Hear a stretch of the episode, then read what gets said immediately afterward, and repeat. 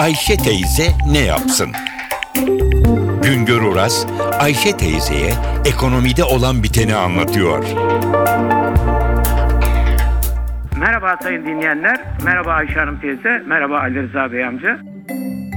Son zamanlarda altın fiyatlarındaki iniş dünyada değişik şekillerde yorumlanıyor. Artı altının devri geçti, altın dönemi geçti, altın güvenli liman değil, altın dönemi bitti gibi söylentiler de var. Ama biz altına eskiden beri çok bağlanmış bir milletiz. Altınsız yapamayız. Altın fiyatları inerken de biz altını alırız, çıkarken de alırız. Şimdi hele bu sene çok ilginç bir durumla karşı karşıyayız. Özellikle Ocak-Mayıs döneminde mesela geçen yıl Türkiye'ye 34 ton altın ithal edilmişken bu yıl 135 ton altın ithalatı yapıldı. Yani geçen yılın çok çok üzerinde bir ithalat yapıldı.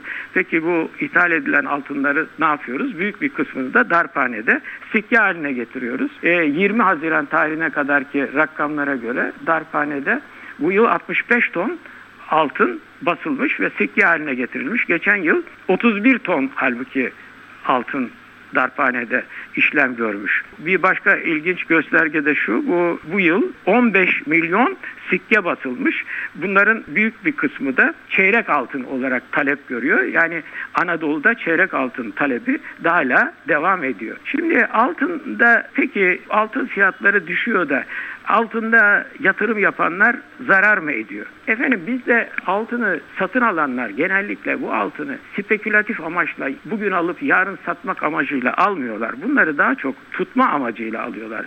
Bakınız şimdi e, altın fiyatları ben hep e, gram üzerinden gidiyorum. Altın fiyatları 2011 yılında bayağı yükselmişti. 2012'de de bu yükselme devam etti. Altın fiyatları bir ara e, 103 liraya çıktı. Bir gramı 103 liraya çıktı.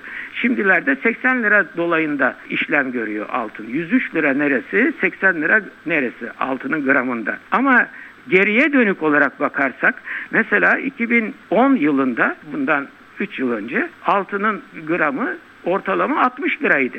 Demek ki bugün beğenmediğimiz 80 liralık fiyat 2010 yılının 60 liralık fiyatının çok üzerinde. Geçmiş dönemlere bakıyoruz. Daha önceki yıllara geri dönerek bakıyoruz.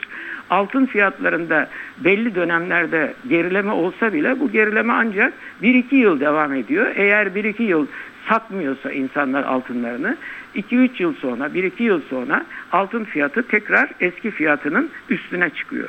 Neden çıkıyor? E çünkü altın bir kere üretimi kıt olan bir madde. Bir de tarihi geçmişi var. Senelerdir, yıllardır, asırlardır insanlar hep altına güven duymuşlar ve birikimlerini altına bağlamışlar. Onun için bizim de Türk halkının da böyle bir alışkanlığı var. Eskiden beri işte kadınlarımız altını hem ziynet eşyası olarak hem de birikim olarak beğenirler. Demek ki evet altın fiyatları iniyor ama bizdeki halkımızın altına olan sevdası devam ediyor. E, bu iyi bir şey midir? İnsanların bir tercihidir. İnsanların tercihine hiçbir şekilde müdahale edemeyiz. Bir başka söyleşi de tekrar birlikte olmak ümidiyle şen ve esen kalınız sayın dinleyiciler. Güngör Uras'a sormak istediklerinizi ntvradio.com.tr adresine yazabilirsiniz.